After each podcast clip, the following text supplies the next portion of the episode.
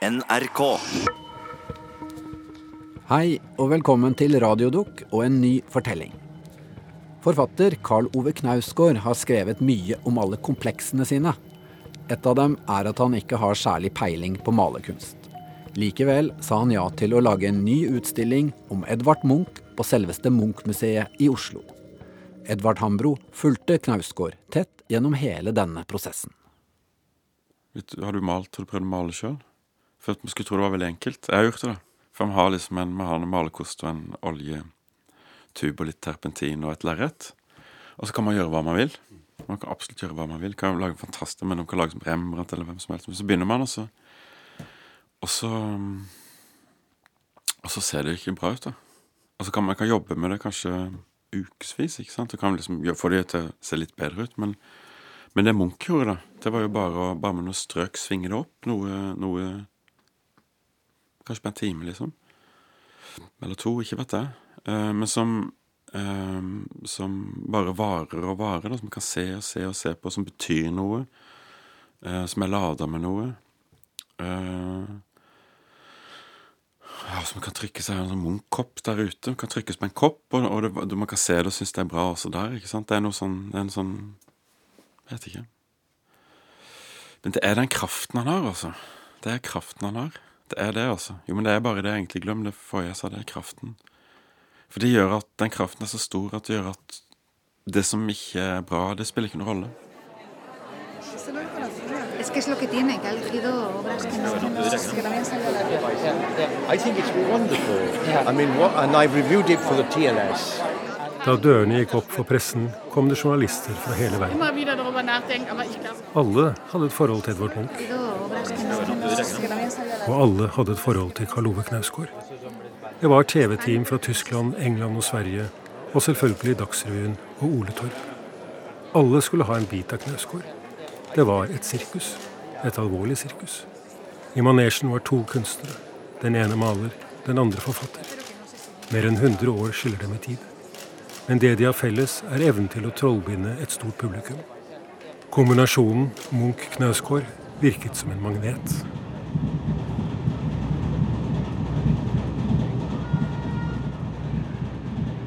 En måned tidligere satt jeg på toget fra København til Skåne for å møte Knausgård. Vi skulle snakke om hans forhold til Edvard Munch. Da hadde han allerede jobbet i halvannet år med utstillingen. Jeg var utrolig spent. Var det mulig å se Munch på en ny måte? Vise ham frem slik han må ha fremstått da han var ung, før han ble den ikoniske Munch som vi alle kjenner, men ikke egentlig vet hvem er. Hva var det egentlig Knausgård prøvde å få til? En engelsk journalist har kalt Knausgård for det ordinæres alkymist, eller hverdagets trollmann. Men det forunderlige er jo at han skriver like lett om døden, det sublime eller om kunst, som han skriver om pinlige og personlige hverdagserfaringer. På tusenvis av sider har han øst av sitt eget liv og invitert leseren inn i sin egen verden. Siden Min kamp kom ut, har han utgitt fire essayistiske bøker hvor han har forlatt det biografiske rom. Omtrent som Edvard Munch gjorde etter å ha malt de sterkt personlige og ikoniske maleriene som 'Skrik', 'Syk pike' og 'Sjalusi'. Sterkt alkoholisert og nedbrutt fikk Edvard Munch et sammenbrudd i 1908 og la seg inn på Daniel Jacobsons nerveklinikk i København i nesten ett år. Så sluttet han å drikke. Kvinner passet han seg også for. Noen vennekrets hadde han knapt. Om sin tid på klinikken skrev han. Jeg er gått inn i ordenen ikke røre noe. Nikotinfrie sigaretter, alkoholfrie drikker og giftfrie kvinner. Verken gifte eller ugifte. Han trakk seg tilbake til sin villa på Ekely, som var omgitt av en liten almeskog. Og så malte han. Malte til han døde. Et av de vakreste bildene hans heter Mot skogen. Et tresnitt i fire forskjellige utgaver. Det er dette tresnittet som har gitt navn til Knausgårds Munch-utstilling Mot skogen.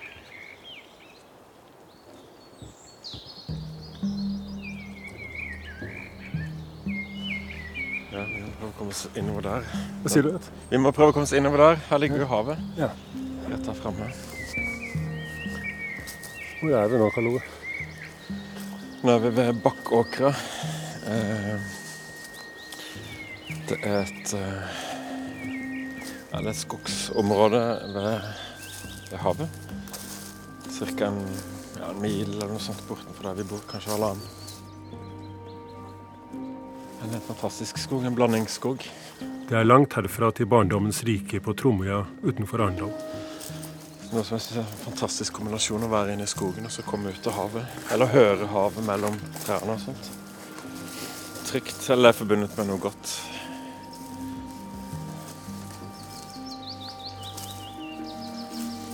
Men for meg så er det vel egentlig først og fremst forbundet med frihet. Det har med oppveksten å gjøre. Så jeg vokste opp på et byggefelt.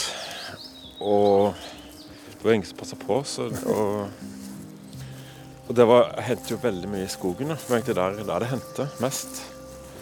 Altså bygge hytter og granbar og Og bruke skogen egentlig hele året med forskjellige ting. ikke sant? Lage pil og bue på våren og fløyter og sånn. Og bade om sommeren og Det var også i skogen der jeg vokste opp, på sånn svært innlandsvann. Eh, ja. Og gå på ski om vinteren. da. Men det var ikke noe stor skog, det var liksom bare et sånn lite område ved der vi bodde. Men uh, likevel satt utrolig dype spor i meg. da. Det er som om det er det ordentlige barndommen, og det er det ordentlige livet. ikke sant? Ja. Som jeg fjerner veldig langt fra. da. Så er det at alle trær er individuelle. da. Det husker jeg også veldig godt fra barndommen. Hvordan, hvordan de nesten hadde sin egen personlighet for meg, fordi at de så ut på forskjellige måter. ikke sant? Eh,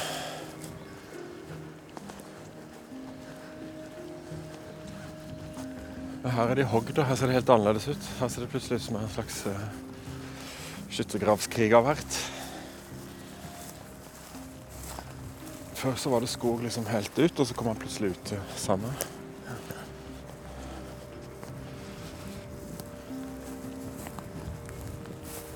ja Jeg var jo så den almeskogen på Ekeli, den var jo ikke, ikke akkurat dyp. Nei. Den er ikke dyp. Men det er mye trær da, hos Munch. Ja, det er det. Det er helt påfallende mye. Og det fine med det er at man føler at de, de betyr forskjellige ting i de forskjellige periodene og de forskjellige måtene man maler de på. Så, så uttrykker de forskjellige ting. Det er liksom aldri bare et tre. Det er, ja, det er et helt spekter av mening. Nettopp fordi han maler det. Hvis jeg kanskje Hva tror du? Skal vi gå her?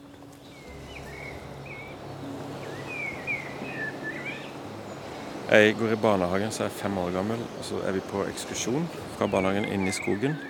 Og det er vår, det må være akkurat på den tida. Og så er det den ene fuglelyden der. Og så husker jeg liksom akkurat jordet, steinen, eh, skråningen bak der. Helt sånn. Ikke sant? Veldig rart at akkurat det ble værende. Men hver gang jeg hører den fuglen, så er det dit det kommer. liksom. Eh, merkelig. Men veldig fint. da. Og det er helt ulada. Det er liksom ikke, jeg husker ingenting om hva som hendte. eller Det var bare liksom naturopplevelse, tror jeg. Eller følelsen av å være der.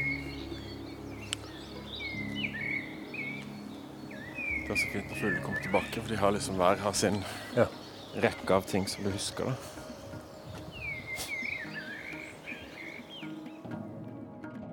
Før jeg kom, hadde Karl Ove sendt meg manuset til sin siste bok om Edvard Munch.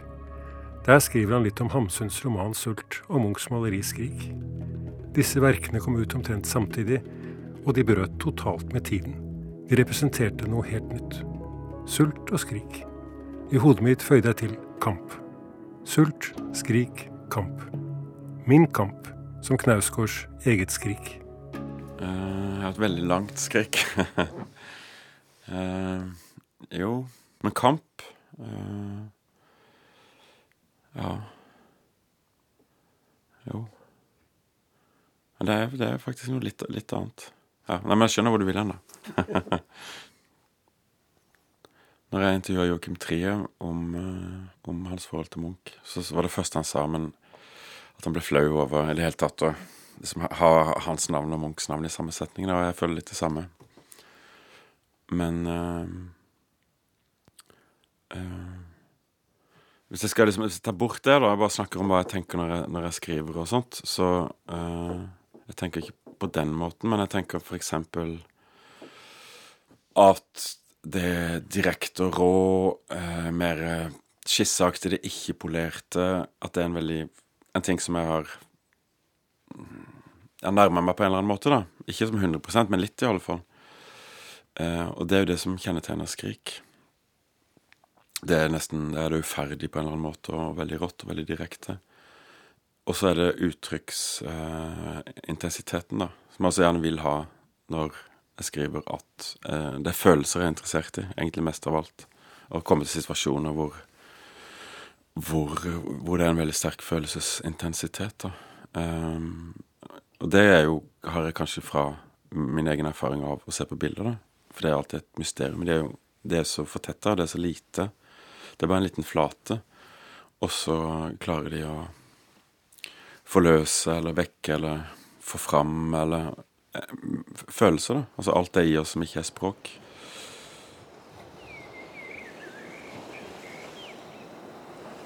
Ofte når vi snakker om, eh, om kunst, Eh, enten det er din egen skriving eller eh, Munch som maler, så sier du at han ville ikke inn der.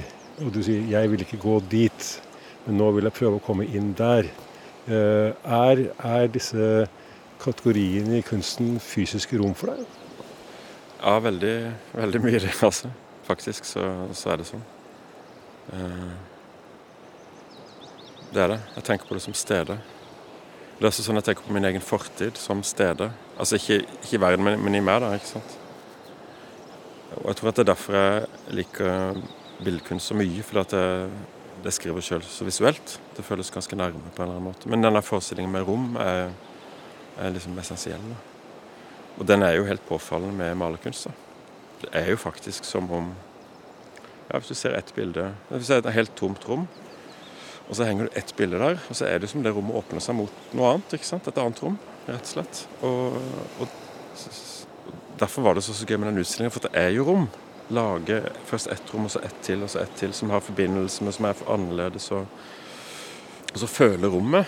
Ikke liksom gå bort og se på bildene med en gang, men, men, men føle den stemninga i det rommet. Og det er jo den stemninga som er mot skogen.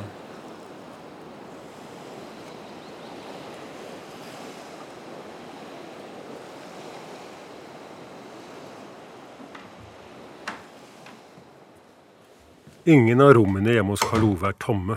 Alle bærer preg av at det bor mange her, og at de fleste er barn. Ved siden av kjøkkenet er det et værelse fullt av bilder. Et av dem er et trykk av Edvard Munch som han nettopp har kjøpt. Selv om han hadde sverget at han aldri skulle bli så borgerlig at han skulle ha en Munch på veggen. Det var en uh, veldig fin beskrivelse du hadde i boken av at du ikke ville ha et Munch-bilde. Ja, ikke sant. Hva det egentlig betyr å ha et Munch-bilde, det er mest borgerlig man kan tenke seg. Minst rock'n'roll. Nei, men da er det.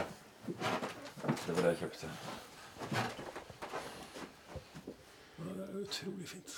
Det er utrolig fint, altså. Det er så enkelt å bare Det er ganske vanskelig å henge opp bilder, da, for at uh, de må liksom uh, De dreper hverandre så lett.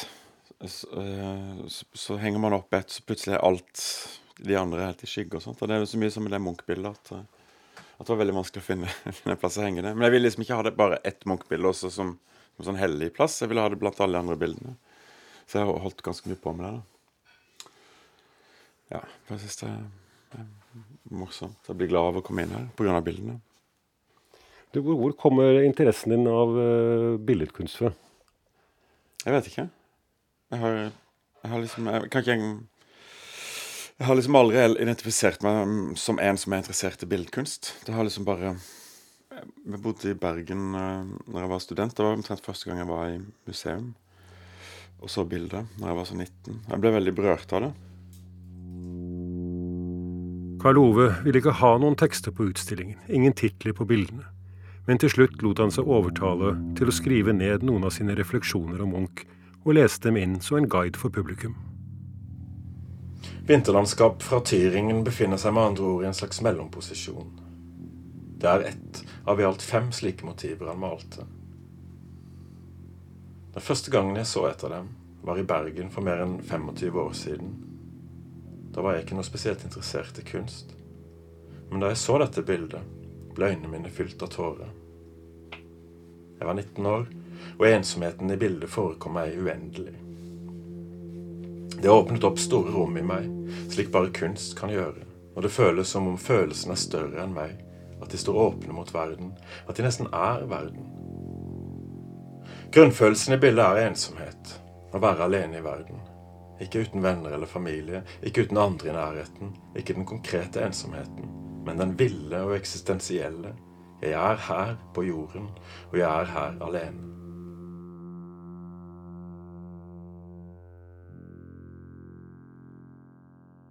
Men jeg tenkte aldri at at jeg var en sånn en som var interessert i bilder. Jeg følte meg liksom mindreverdig. Jeg følte meg mindreverdig enn kunst. da. At jeg ikke, ikke kunne noen ting kunst og ikke hadde liksom peiling og sånt. Så jeg har, jeg har hatt mindreverdighetskompleksen eller det. da.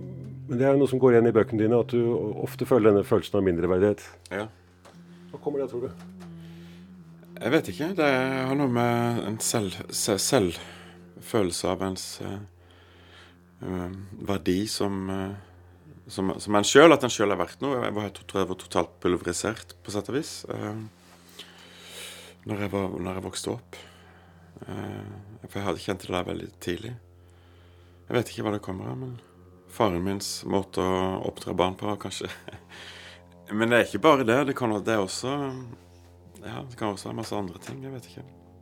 Men det har i alle fall liksom dominert livet mitt omtrent. Men det er en bra ting på den måten at da gjør jeg alltid mitt aller, aller beste. ikke sant? Jeg kan ikke ikke legge ned tid på noe. Jeg må bruke masse tid på alt jeg gjør for at ja, for at det skal bli men um, nå, eh, altså Når jeg leser bøkene dine, og særlig altså, i og for seg alle, men uh, ikke minst den siste du har skrevet om Edvard Munch, så slår det meg at, uh, at uh, det er utrolig mye innsikt der. Når var det du selv begynte å forstå at du faktisk forsto ganske mye? Um, har ikke hatt den følelsen før jeg begynte å skrive. Det er som om tenkinga skjer i skrivinga, da. Og at det er der det kommer. At jeg ikke har noen tanker eller noen innsikter i mitt vanlige liv, liksom. Men at det, det tilhører å skrive situasjonen. Uh, men uh, jeg har vel aldri egentlig tenkt det. Men det som er så fantastisk med å sette seg ned og skrive, er at du har et bilde som du har sett, som du liker, men som ikke du vet noen ting Det fins liksom ingenting å si om det. Og så bare begynner å skrive, og så plutselig så er det noe å si om det. Og så, og så kommer det fram noen tanker som jeg aldri har hatt før, som, ja, som enten er gode eller dårlige, eller det spiller ikke noen rolle, men bare at det det er nytt. da. Og det er vel det du mener, tror jeg. Eh, så at har, de, de innsiktene er ikke noe jeg har, men det er noe som kommer i, i skrivinga. Ofte i møte med, mellom skrivinga og bildet. da. Så hvis jeg bare står og ser på et bilde, så er det bare følelser. da. Men hvis jeg begynner å skrive om det, så, så kan det komme andre ting. Av og til ingenting, da, men men ja.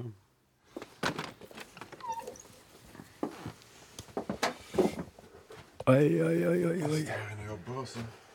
Trommesett, gitarer, bøker.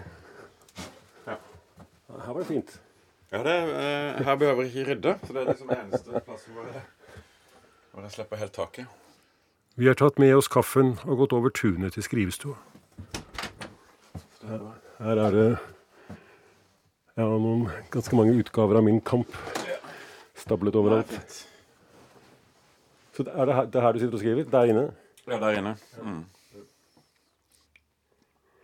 Det å få en telefon fra, fra Munch-museet med spørsmål om du kan kuratere en utstilling eh, Hvis noen hadde spurt meg om det, så hadde jeg blitt ganske nervøs. Men eh, din reaksjon var helt annerledes.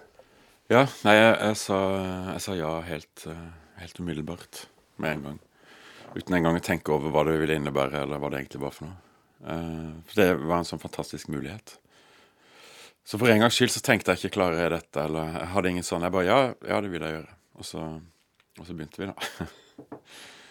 og så først etterpå, altså nesten når liksom hele utstillingen var ferdig, da begynte jeg å få den der angsten veldig sterkt. da, Veldig, veldig sterkt. Uh, men hva er det her for noe? Det er jo bare, ikke sant, bare tull og elendig osv. Men, men selve arbeidsprosessen var veldig uskyldig og naiv. da uten den der veldige selvkritikken. Og det var ganske deilig, også. fikk gjort mye da. Når man skal kuratere en Munch, og man vet at det fins 1780 malerier og gud vet hvor mange tegninger og sånne ting, hvordan, hvordan begynner man på den oppgaven? Jeg hadde sett alle Munchs bilder. I 40-årspresang så fikk jeg nemlig eh, katalog eh, alle bildene hans. da. Og de har jeg bladd, bladd veldig mye i. Så jeg var veldig klar over at de mest kjente Munch-bildene var ganske få.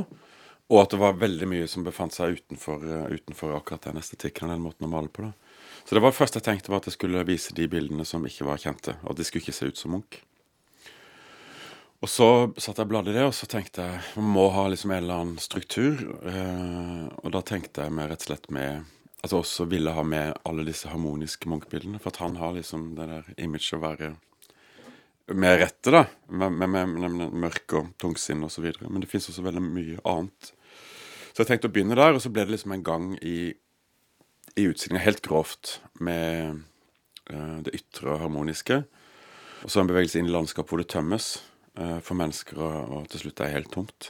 Og så inn i det innerste menneskelige, uh, som skulle være helt rått. Og så ut igjen med portrettet, som skulle liksom være tilsvarende harmoniske, bare med mennesker.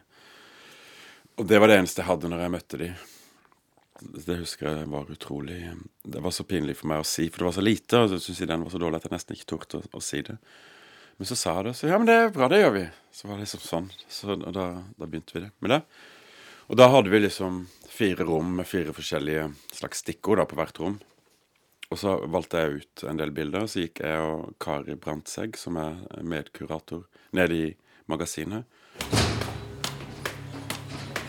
Eh, hvordan, hvordan, opplevde du å være nede i det magasinet og kunne bare trekke frem det ene bildet etter andre? Um, det var uh, Det var nesten som uh, Det var nesten som å, å være full, altså. Fordi det var, var, det var, så, jeg ble så utrolig en sånn febril begeistring. Vi? Det kommer bare bilde etter bilde. Jeg har ikke sett de før, og, og, i den sammenhengen, og man får se det virkelig. Og, og det er nesten ingen som får lov til til å være der i det hele tatt. ikke sant? Og så er bildene også satt sammen helt ulogisk. Så kan det være bilder av når han var 16, og så kan det være et mesterverk når han var 30, og så kan det være noen skissegreier, og så kan det være alt mulig. da, Helt, eh, helt blanda. Så det var eh, Det var utrolig intenst og helt fantastisk. Eh, som, som jeg alltid kommer til å huske, på en måte. Så på det meste så hadde vi liksom sikkert 400 bilder inne. Altså. Og, så, og så gjaldt det å um, ja, ta det ned igjen, da. Og da hadde jeg klippa ut alle disse bildene og la de Så at jeg hadde fire rom inne i, i gjestehuset vårt, og så ut på gulvet. Og så la jeg, la jeg bildene om igjen og om igjen og om igjen. Prøvde å få, prøvde å få det til å bli bra, da. Og så når det var bra, så fotograferte jeg det, og så hadde jeg det med til Munch-museet. Da satt jeg sammen med Kari, og da hadde vi det igjen uh, på datamaskin, hvor rommene er simulert mye mer riktig. Da, da så man med en gang uh, hva som funka ikke funka. Så satt vi vi to og jobba med det igjen. Og så var det inn med masse nye bilder, ut med bilder, inn med bilder. Slags sånn uh, utrolig spennende prosess. da. Men du begynte med å bare sitte og bla, da?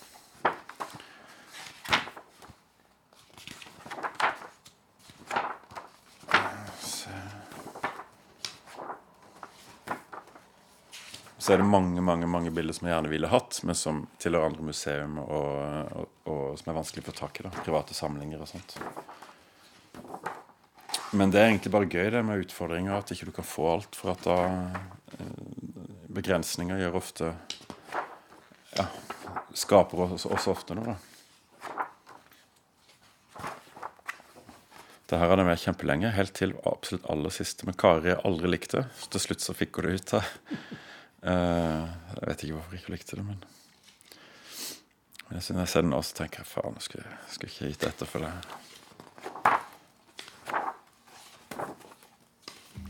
Det med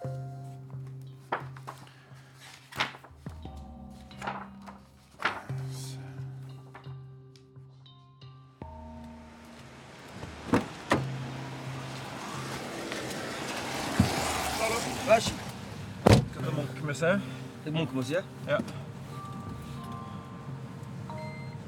Hva gjør du når du bor på hotellet? Går du og legger deg tidlig, eller jobber du, eller går du på kino eller treffer du mennesker? Eller? Uh, nei, jeg treffer ingen mennesker. Uh, uh, Nei, nå, Jeg pleier å ligge og se på TV. Ja. Denne gangen har jeg tatt med meg bøker, så jeg tenkte jeg skulle få lest litt istedenfor. Men som oftest når jeg bor på hotell, så jobber jeg med altså jeg gjør intervjuer. da, Og da blir jeg så sliten og, og nedtrykt. Så det jeg ser på TV, er det beste. Nedtrykt av din egen stemme? Jeg vet ikke, det er noe med å bli intervjua som gjør at eh, det føles ikke bra. Og så må jeg gjøre det igjen og igjen, liksom. Så.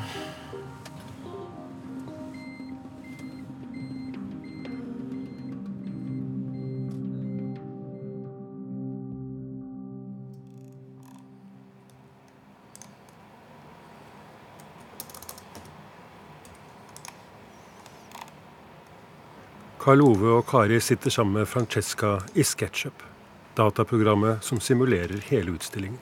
Så begynner, begynner her. Ja, for jeg tenkte å bytte de to. Har jeg tenkt på i et halvt år nå. Bare se hvordan det blir. Karl Ove har plukket ut 350 bilder som skal reduseres til 143. De skal fordeles på fire saler med fire forskjellige stikkord. Og så det er det vel. Ja. Opp- Oppå den, ja.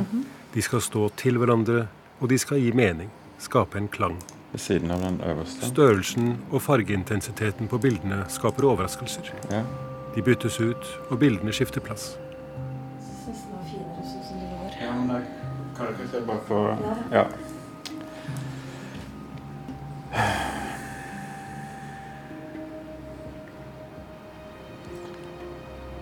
Jeg syns også det, men eh, ta tilbake.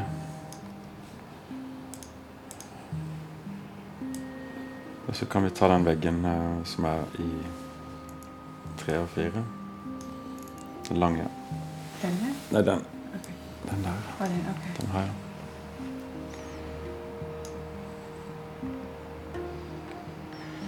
Så her får vi bruke litt tid. Jeg vil helst ikke se det. Jeg vil gjerne se den som er her. Mm. Og så Og så begynner med Jeg lurer på om det er det letteste om du tar ut alt, og at vi begynner på nytt.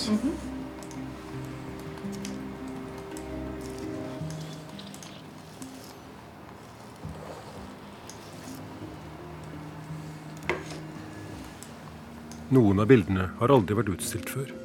Noen har ikke vært ute av magasinet på årevis. Alle krever ettersyn, og noen må ha nye rammer.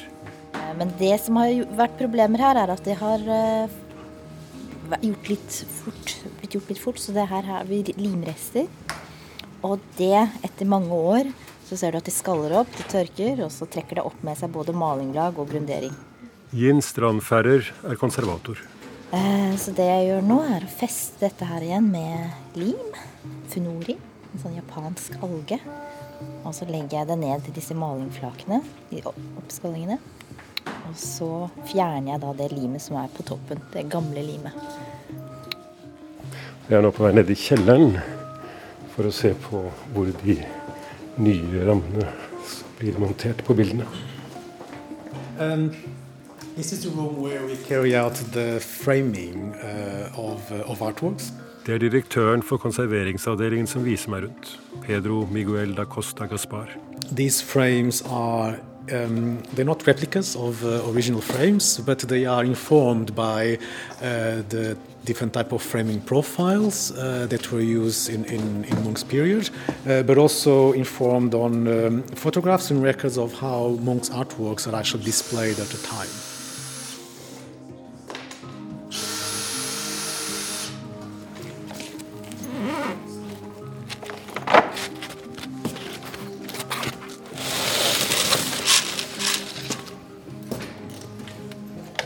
This is the first, uh, the first uh, studio, uh, the, the paintings, uh, paper conservation studio. Uh, Her arbeider Magdalena Gotsimirska som konservator. Mm, Det kan være mm, rifter som ikke tillater å montere et verk på en eh, eh, sikker måte i en passepartout og, eh, og ramme inn. Eh, nå er det jo Karl Ove Knausgård som står for denne utstillingen. for det meste. Har, har det budt på ekstra utfordring at han ikke er profesjonell i dette faget? Han er forfatter som har blitt invitert. Eh, Jeg var overrasket hvor, eh, hvor eh, fint syn han hadde på, på, grafikken eller på bildene. Og det som ikke vi ser umiddelbart, det kunne han fange opp. Det, så det var bare fascinerende, faktisk.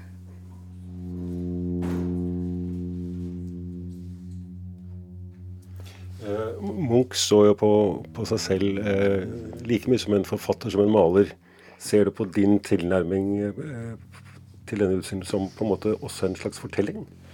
Ja, det absolutt. Eh, det er faktisk veldig mye det det handler om. Eh, men ingen Ingen Det er, er veldig rart, for alt er jo taust. Og det, det, er ingen ord der. Eh, men, men, det er jo det det handler om. Men, det, men særlig om å bygge stemninger. da og så stemninger som bare kan skifte, liksom. Og så gå inn i andre stemninger, og så kommer man inn dit, og så går det sånn. Og det er en, det er en fortelling. Um, og den fortellinga her er en annen fortelling om Munch enn den mest kjente fortellinga, så er jo den selvbiografiske, ikke sant. Det er jo rett og slett mista søstera, mista mora, mista faren, mista broren. Jeg hadde en søster som var gal, var redd for å dø, tuberkulose osv. Og, så og, og, og det har han jo malt og også hans kjærlighetserfaringer og har han jo malt. Det er én historie. Og veldig mye av den foregår i Åsgårdstrand, den historien. Uh, mens den, den, denne historien er jo ikke biografisk på den måten. Den handler mer om hva han har sett, og hva, hva malinga hans har handla om.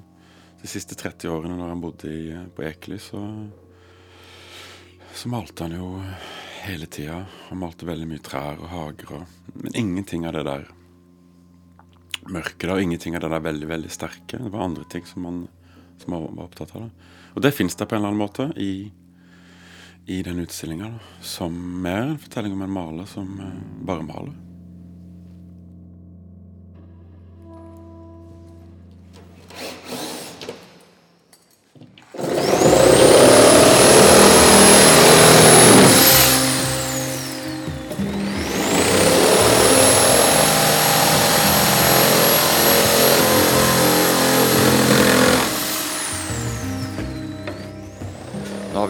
Planlagt utstillingen veldig lenge, og, og det er veldig mange elementer som, som, som skjer da i skifte fra en utstilling til en annen.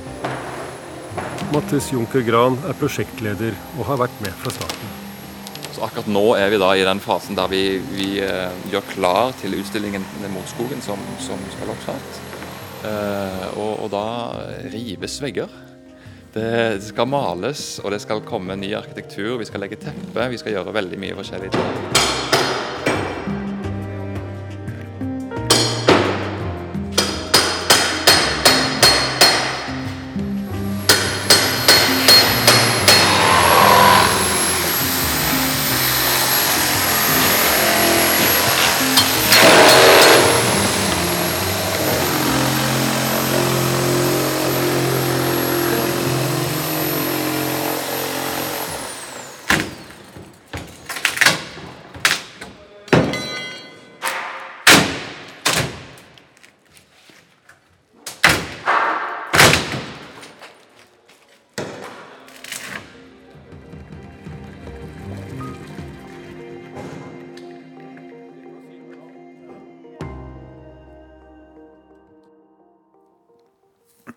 Det var også var noen, noen, sånne ting som jeg var sikker på at jeg ikke ville. Og det ene var at det skulle ikke være grått eller hvitt på veggene.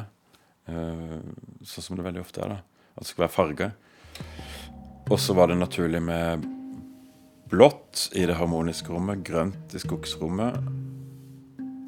Og Det var de to som var liksom klare. Men så har det vært utrolig mye fram og tilbake med å finne rett nyanser. da Og så har vi jo fått en, eh, en eh, slags eh, ledetråd til sal igjen med at den skulle være himmelblå. Det er jo veldig sånn der eh, Jeg tror jeg Hvis alle lukker øynene og tenker seg himmelblå, så har vel alle i rommet hver sin tolkning av hva det er for noe. Men uh...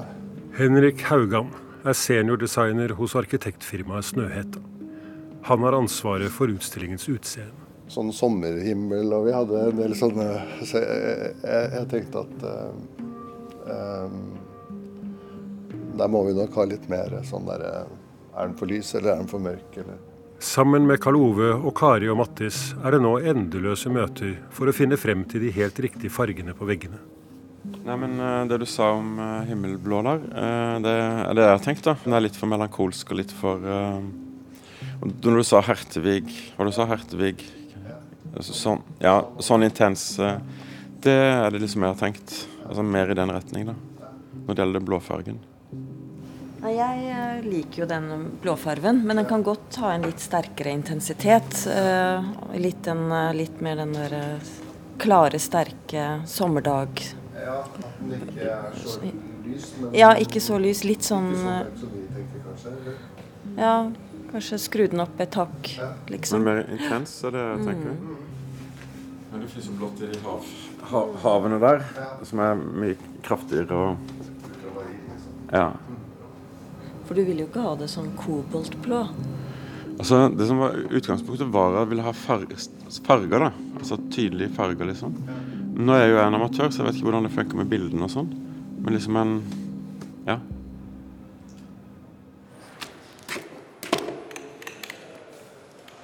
Alle som har pustet opp hjemme, vet at farger er noe av det vanskeligste som fins.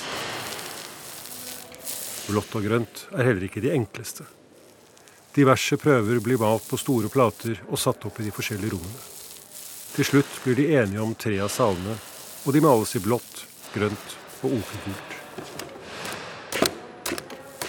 Karl Ove vil at en av salene skal fremstå som et verksted, Munchs verksted, og at det skal være noe rått, noe uferdig over hele salen. Men her er vi litt uh, ikke helt uh, vi, Samkjørte? Nei.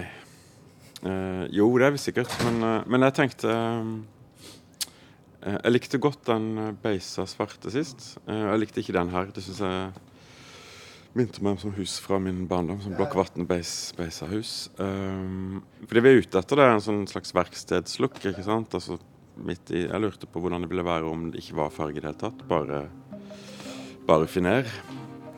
Uh, og det tror jeg ville bli kjempebra sånn, for det uttrykket, men så tror jeg at bildene ville forsvinne. da. Det ville liksom bli eksempler på noe og sånt.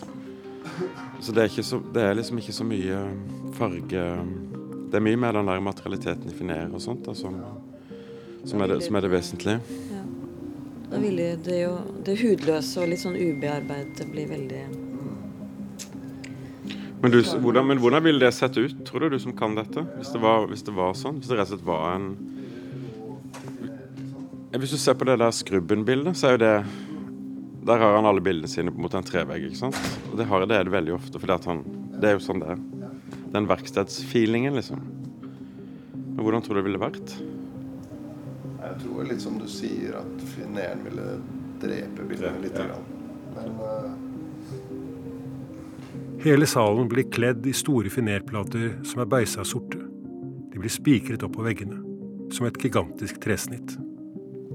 Det er Snøhetta som har gjort designet, da. Og der var stikkordet til de var liksom kaos, og, men også material og det materielle og sånt. da.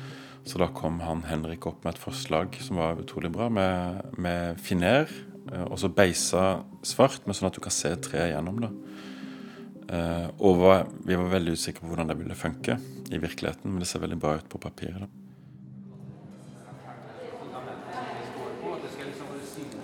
Kom inn her og se.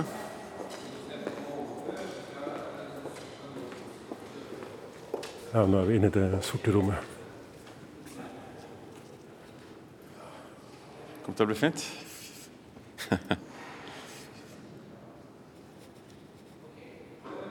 Dette blir bare topp. Dette blir helt ekstraordinært. Ja.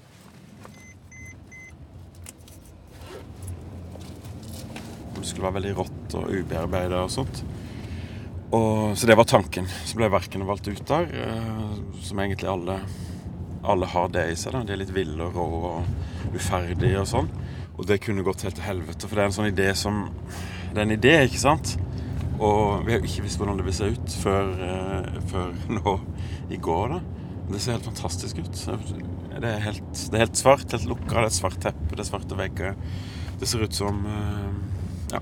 Og det tror jeg kan løfte etter du har sett alle disse bildene som er veldig massive og veldig tette, sånn, så tror du at ok, dette er det maksimale, liksom. Og så er det som du skrur opp forsterkeren til 11 altså, i det siste rommet. Da. Men jeg har ikke sett det rommet med bildene, for det skal vi gjøre i dag. Ja, det gleder jeg Mm.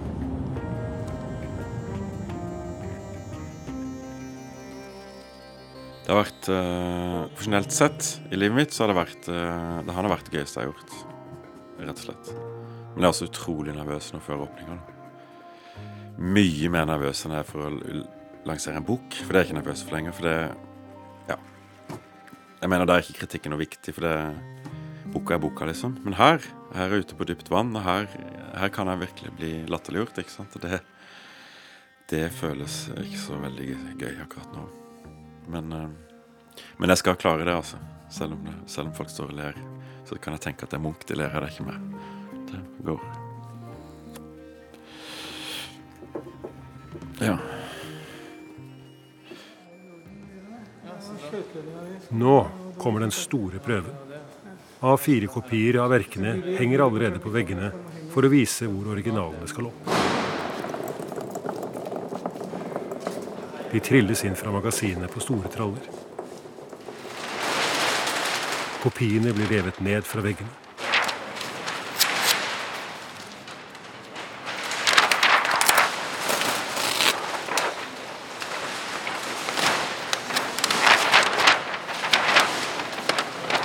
Til alles lettelse viser det seg at jobben i dataprogrammet stemmer bra med virkeligheten.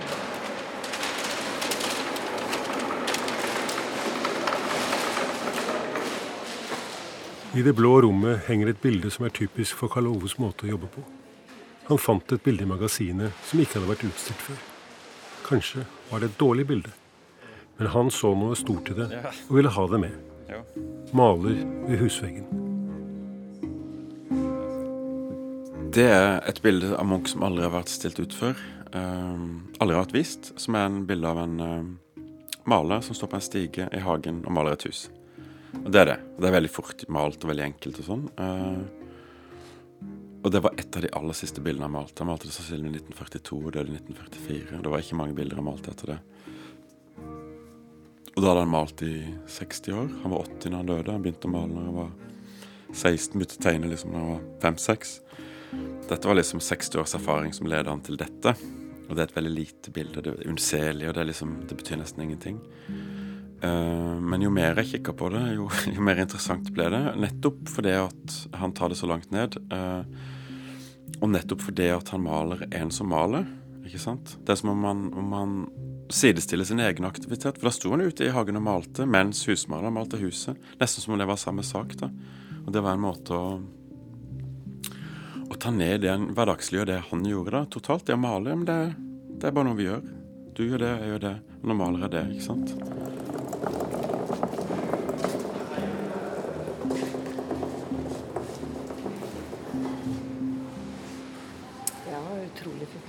Disse gule abstrakte bladene som bare flyter over bildet. Så nå er vi inne i Almeskogen her. Så vi bare kommer tettere og tettere inn i kaoset. Der er det kanskje litt skifte, i en voldsfigur. Ja, ja. En sånn skygge av en uh, litt sårbar, uh, tynn mann som uh, forsvinner inn i blant trestammene. Og et, et, det er vel en slags sånn rød kjærlighetskvinne der og en svart mannsfigur lenger inn der. Litt uklart hva som foregår. Ja, her er det veldig mye bra. Det er første gangen et så stort, høyt antall da, av disse Almeskog-bildene også blir eh, vist samlet på denne måten som en sånn større fortelling. Det er veldig spennende. Og det har Karl Ove klart da, med dette her mot skogen-begrepet, som rom er både ja, metaforisk på ulike plan. Mm. Ja, nei, jeg kjenner en sånn veldig sånn intuitiv sånn begeistring da. Når jeg går rundt her nå og ser det bli realisert, selvfølgelig. Det er uh... hva, hva, er det Karl Ove som, som ikke-profesjonell har brakt inn i denne utstillingen, syns du, som er profesjonell? Nei, det er den derre frie, emosjonelle eh, holdningen han har med seg, da, som samtidig er eh, basert på enormt mye kunnskap og det å tørre, da. Tørre mye. Ja.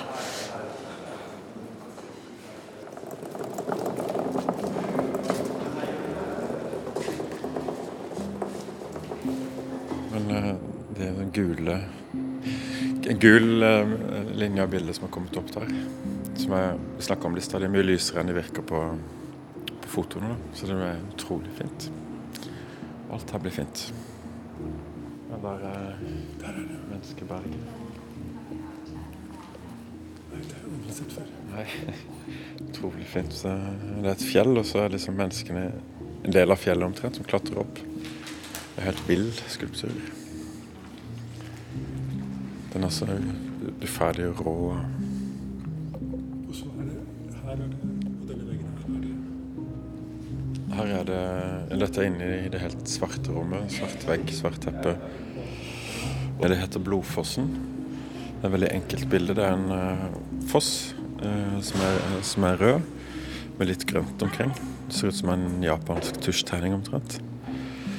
Uh, jeg leste Den har aldri vært vist før.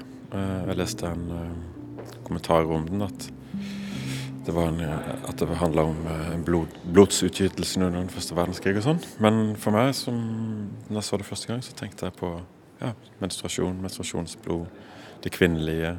Noe som finnes i veldig mange av maleriene til Munch. En slags sånn eh, tiltrekning og frastøtning på en og samme gang. Da.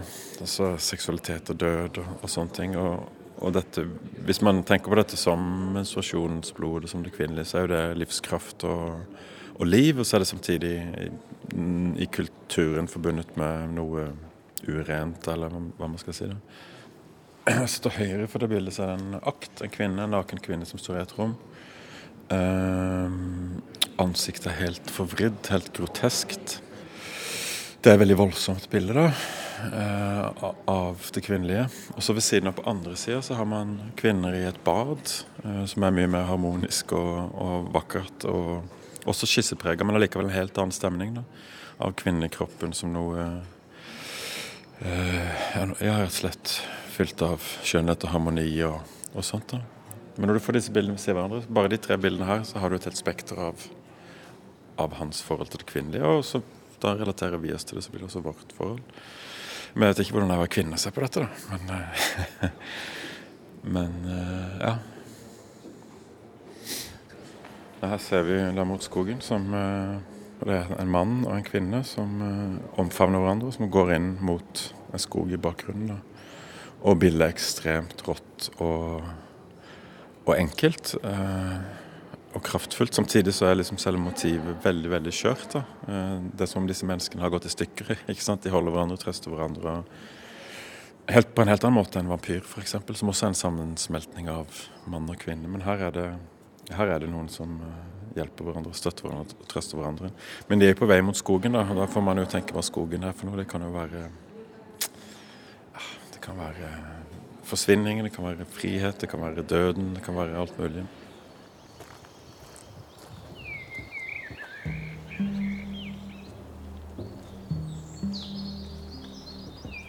Jeg er et veldig romantisk menneske, tror jeg. En veldig romantisk eh, måte å se verden på, eller oppleve verden på, tror jeg. Og da, da ligger det veldig mye i skogen. Da. Men jeg elsker også det der eh, brødrene Grim og Asbjørnsen og Moe, at de faktisk gikk rundt og samla. Ikke sant? At, at, det var Det er også en helt egen verdi, da. Ikke sant? At det var noe som var helt levende. En helt levende kultur i, eh, der ute, da. Noe som, som jeg syns var veldig fint i, i Munch-utstillingen, det var det rommet hvor som er kledd i tre, som er treplater hvor du ser stoffligheten i treet, og du ser stoffligheten, og du ser treet i tresnittene. Jeg syns det var så fantastisk, for det ble, det ble, liksom både natur og fiksjon og kunst. Ja, det var det som var tanken. Jeg er veldig glad for at du sier det. Det var akkurat det som var eh, At de nivåene skulle møtes. da. At det som det indre i mennesket, det er uttrykkskraften i Munch og visualiseringen av det. ikke sant? Det er på en måte skogen, det innerste man kommer bare fordi det er utemma og liksom åpent, og at ikke det er nesten ikke forma engang. Da. Akkurat som skogen vokser. Det var det ene. Og det andre var eh, tenkte på liksom kunstens kjerne. Inntil det innerste av kunsten. Hva er det? Jo, men det er jo det materielle. Det er det fysiske. Det er de fysiske fargene og fysiske treet. Og for Munch så virker det som han liksom han, Det er noe sånn vilt over, over tresnittene. Altså at han vil liksom prente bildet inn i det materielle, inn i virkeligheten, liksom. Det skal ikke være noe skille mellom, mellom bildet og virkeligheten. Det skal være en del av virkeligheten. Det er egentlig kunne jo utstillingen bare hett Inn, eller Innover, for det var det som var tanken. liksom Inn, inn, inn, inn. At vårt indre egentlig er også en slags vill, villmark, da. Ikke sant? At det finnes så mye i oss som, eh, som er primitivt og gammelt og Men at vi, når vi kommer til skogen, så kommer vi hjem.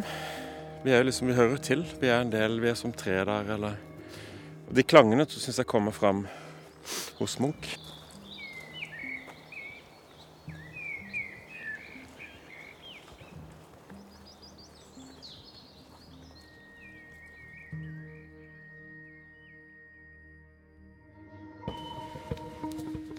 Du har hørt 'Knausgård og Munch', en radiodokumentar av Edvard Hambro. Lyddesigner var Kjetil Hansen.